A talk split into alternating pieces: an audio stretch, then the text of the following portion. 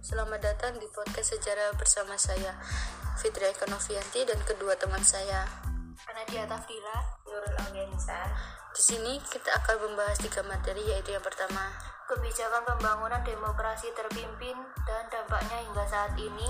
dan yang kedua kejadian penting bersejarah era demokrasi terpimpin. Ya, dan yang ketiga, jejak hitam era Orde Baru. Saya Nadia Tafdila akan membacakan materi yang pertama, yaitu kebijakan pembangunan demokrasi terpimpin dan dampaknya hingga saat ini. Demokrasi terpimpin adalah sebuah sistem demokrasi yang seluruh keputusan serta pemikiran berpusat pada pemimpin negara yang kala itu adalah Presiden Soekarno. Keluarnya dekrit Presiden pada 5 Juli 1959 membuat Indonesia menjalankan sistem demokrasi terpimpin dan struktur ekonominya menjurus pada sistem etatisme atau segala-galanya diatur oleh pemerintah. Penerapan sistem demokrasi terpimpin gagal karena kondisi ekonomi Indonesia memburuk. Latar belakang dicetuskannya sistem demokrasi terpimpin oleh Presiden Soekarno. Pertama, dari bidang keamanan nasional, yaitu banyaknya gerakan separatis pada masa demokrasi liberal menyebabkan ketidakstabilan negara. Dua, dari bidang perekonomian, yaitu sering terjadinya pergantian kabinet pada masa demokrasi liberal menyebabkan program-program yang dirancang oleh kabinet tidak bisa dijalankan secara utuh sehingga pembangunan ekonomi tersendat. Tiga, dari bidang politik, konstituante gagal dalam menyusun UUD baru untuk menggantikan UUDS 1950. Sejak diberlakukannya kembali UUD 1945 setelah adanya perubahan pada sistem demokrasi liberal yang menggunakan konstitusi UUDS Republik Indonesia 1950, dimulailah pelaksanaan ekonomi terpimpin. Sebagai awal berlakunya hierarki ekonomi, di mana alat-alat produksi dan distribusi yang vital harus dimiliki dan dikuasai oleh negara atau minimal di bawah pengawasan negara. Kebijakan pembangunan demokrasi terpimpin A. Bidang ekonomi 1. Dewan Perancang Nasional atau Depernas dan Badan Perancangan Pembangunan Nasional atau Bapenas. Depernas disusun di bawah Kabinet Karya pada tanggal 15 Agustus 1959. Depernas dipimpin oleh Muhammad Yamin dengan beranggotakan 80 orang. Tugas dewan ini adalah menyusun overall planning yang meliputi bidang ekonomi, kultural, dan mental. Pada 17 Agustus 1959, Presiden Soekarno memberikan pedoman kerja bagi Depernas yang tugas utamanya memberikan isi kepada proklamasi melalui grand strategi, yaitu perencanaan overall dan hubungan pembangunan dengan demokrasi terpimpin dan ekonomi terpimpin. Depernas pada tahun 1963 diganti menjadi Bapenas yang dipimpin Presiden Soekarno. Bapenas bertugas menyusun rancangan pembangunan jangka panjang dan jangka pendek, baik nasional maupun daerah, serta mengawasi laporan pelaksanaan pembangunan dan menyiapkan dan menilai mandataris untuk MPRS. 2. Kebijakan Senering Kebijakan Senering dilakukan pemerintah berdasarkan peraturan pemerintah pengganti Undang-Undang Nomor 2 tahun 1959 yang berlaku tanggal 25 Agustus 1959 pukul 6 pagi. Peraturan ini bertujuan untuk mengurangi banyaknya uang yang beredar untuk kepentingan perbaikan keuangan dan perekonomian negara. Sebagai contoh, untuk uang kertas pecahan 500 rupiah, nilainya akan berubah menjadi 50 rupiah, begitu seterusnya. Kemudian diikuti dengan kebijakan pembekuan sebagai isi Kebijakan keuangan diakhiri dengan peraturan pemerintah pengganti Undang-Undang Nomor 6 Tahun 1959 yang isi pokoknya adalah ketentuan bahwa bagian uang lembaran Rp1.000 dan Rp500 yang masih berlaku harus ditukar dengan uang kertas bank baru yang bernilai Rp100 dan Rp50 sebelum tanggal 1 Januari 1960. 3. Deklarasi Ekonomi atau DEKON Konsep ini dihasilkan oleh Panitia 13 yang anggotanya melibatkan para pimpinan partai politik, anggota musyawarah pembantu pimpinan revolusi atau MPPR, pimpinan DPR, dan DPA. Konsep ini sebagai strategi dasar ekonomi Indonesia dalam rangka pelaksanaan ekonomi terpimpin. Strateginya yaitu tahapan pertama, harus menciptakan suasana ekonomi yang bersifat nasional demokratis yang bersih dari sisa-sisa imperialisme dan kolonialisme. Tahapan kedua yaitu tahap ekonomi sosialis. Beberapa peraturannya merupakan upaya mewujudkan stabilitas ekonomi nasional dengan menarik modal luar negeri serta merasionalkan ongkos produksi dan menghentikan subsidi. 4. Pembangunan proyek mercusuar Kondisi ekonomi semakin memburuk karena anggaran belanja negara setiap tahunnya terus meningkat tanpa diimbangi dengan pendapatan negara yang memadai. Salah satu penyebabnya adalah pembangunan proyek-proyek mercusuar yang lebih bersifat politis daripada ekonomi.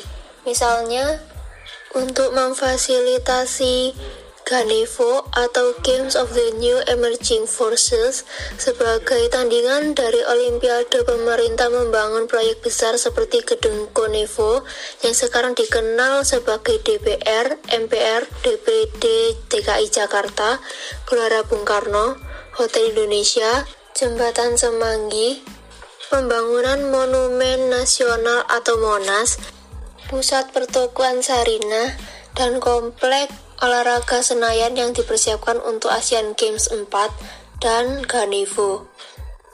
B. Bidang politik Macam-macam kebijakan dalam negeri 1. Pidato penemuan kembali revolusi kita yang dijadikan garis-garis besar haluan negara atau GBHN. 2. Lewat sidang umum MPRS 1963, Soekarno ditetapkan sebagai presiden seumur hidup. 3. Soekarno membentuk MPRS dan DPAS yang dipilih langsung olehnya. Untuk DPAS ketuanya adalah Soekarno. 4. Presiden membentuk DPRGR pada tanggal 25 Juni 1960 setelah DPR sebelumnya menolak RAPBN. 5. Partai Masyumi dan PSI dibubarkan.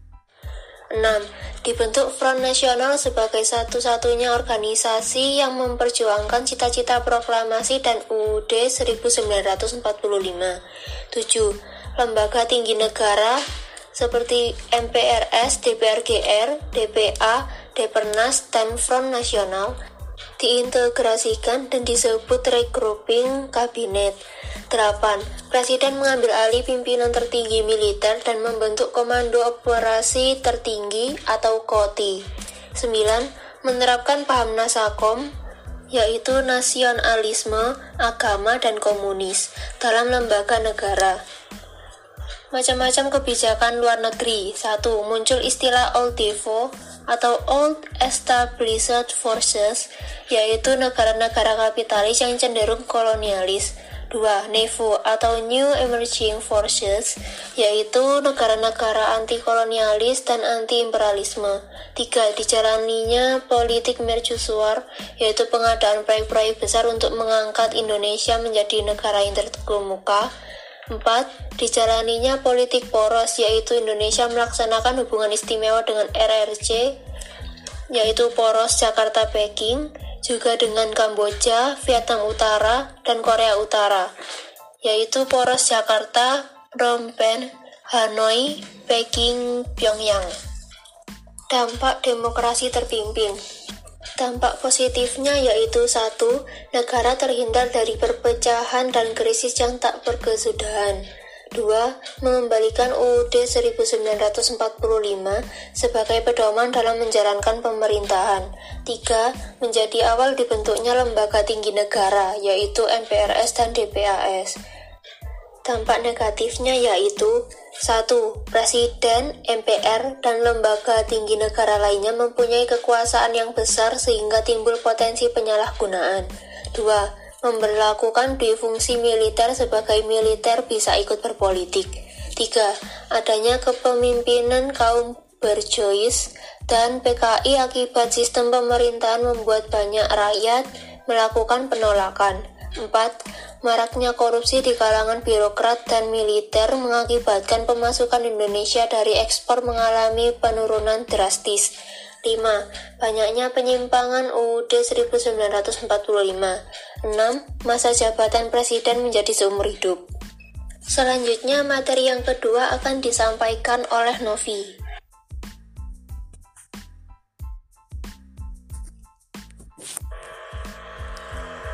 Selanjutnya, kejadian penting bersejarah era demokrasi pemimpin. Terjadi pembebasan dan pengembalian Irian Barat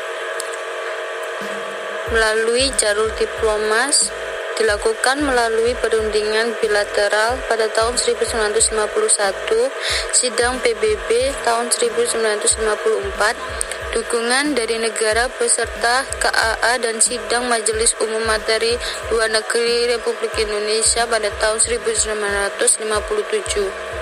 B. Konfortansi ekonomi dilakukan upaya memblokiran kebutuhan Belanda di Indonesia seperti melarang media cetak dan film berbahasa Belanda. Nasionalisasi perusahaan Belanda di Indonesia mengalihkan pusat pemasaran komoditi RI dari Rotterdam, Belanda ke Bremen, Jerman. Dan C konfrontasi mil militer, dilakukan pemutusan hubungan diplomatik dengan Belanda pada tanggal 2 bulan 1 1962 Soekarno membentuk Komando Mandala pada tanggal 15 bulan 1 1962 terjadi pertempuran di Laut Aru. Ah mama Jejak hitam era Orde Baru Sejarah mencatat bahwa Mei 1998 menghadirkan rangkaian cerita panjang yang mengakhiri kekuasaan Presiden Soeharto.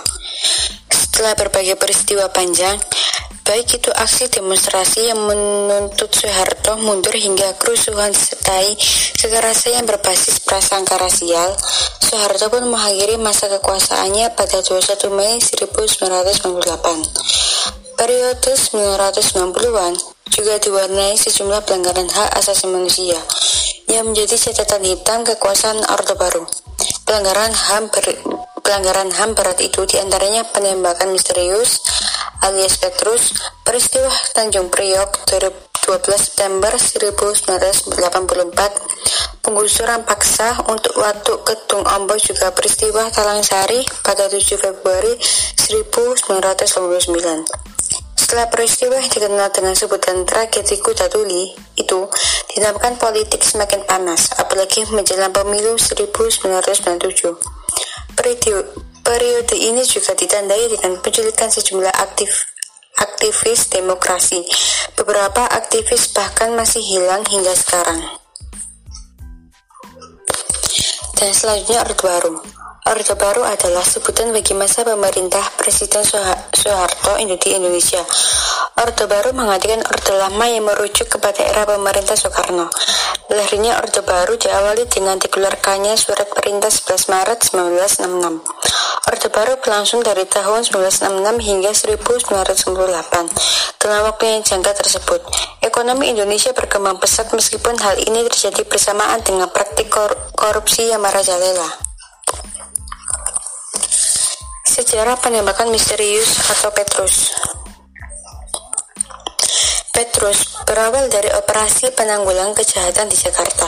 Pada tahun 1982, Soeharto memberikan penghargaan kepada Kapolda Metro Jaya, Mejen Pol Anton Sudjarwo atas keberhasilan membongkar perampokan yang merasakan masyarakat. Pada Maret tahun yang sama, di hadapan Rapim APRI, Soeharto meminta polisi dan APRI mengambil langkah pemberantasan yang efektif, menekan angka kriminalitas. Hal yang sama diulangi Soeharto dalam pidatonya tanggal 16 Agustus 1982. Pemerintahnya ini disambut oleh Pangdip Laksmana Sudomo dalam rapat koordinasi dengan Pangdam Jaya. Kaperli Kapolda Metro Jaya dan Wakub DKI Jakarta di Markas Kota Metro Jaya tanggal 19 Januari 1943. Dalam rapat itu diputuskan untuk melakukan operasi Juluri di Jakarta.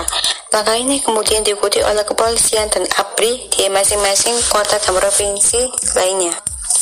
Fakta penembakan misterius dan dampaknya. Penembakan misterius oleh Petrus merupakan kasus yang terjadi antara tahun 1983 hingga 1985 atau pada masa Orde Baru.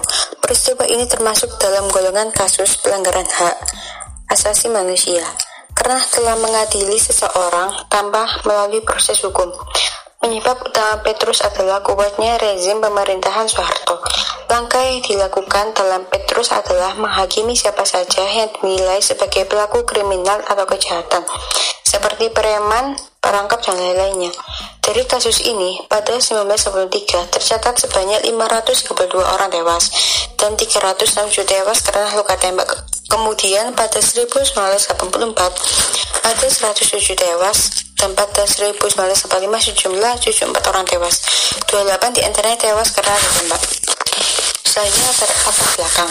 Pada awal 1980-an telah banyak ditemukan warga Indonesia yang tewas. Bahkan kian tahun terus meningkat.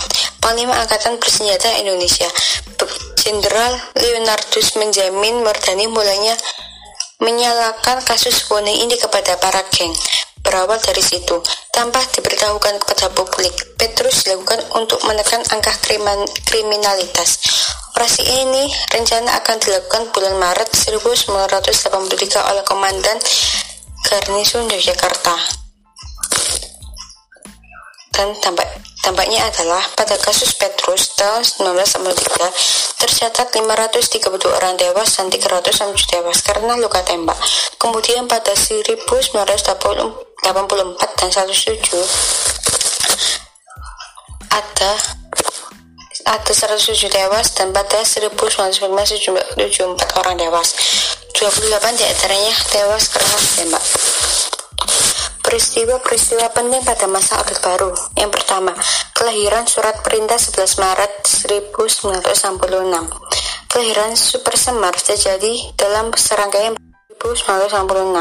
Saat itu sidang kabinet Dwi Koreh disempurnakan yang dipimpin oleh Presiden Soekarno sedang berlangsung.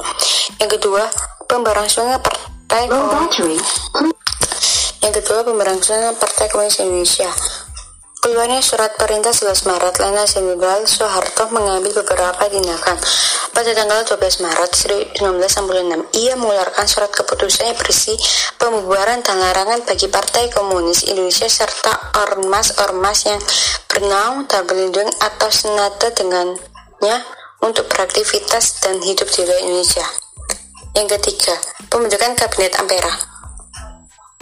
Soeharto dengan dukungan Ketapas M MPRX no X11 atau MPRS 966 membentuk kabinet baru yang diberi nama Kabinet Ampera. Tugas utama Kabinet Ampera adalah menciptakan stabilitas ekonomi dan stabilitas politik atau dikenal dengan nama Dwi Dharma Kabinet Ampera.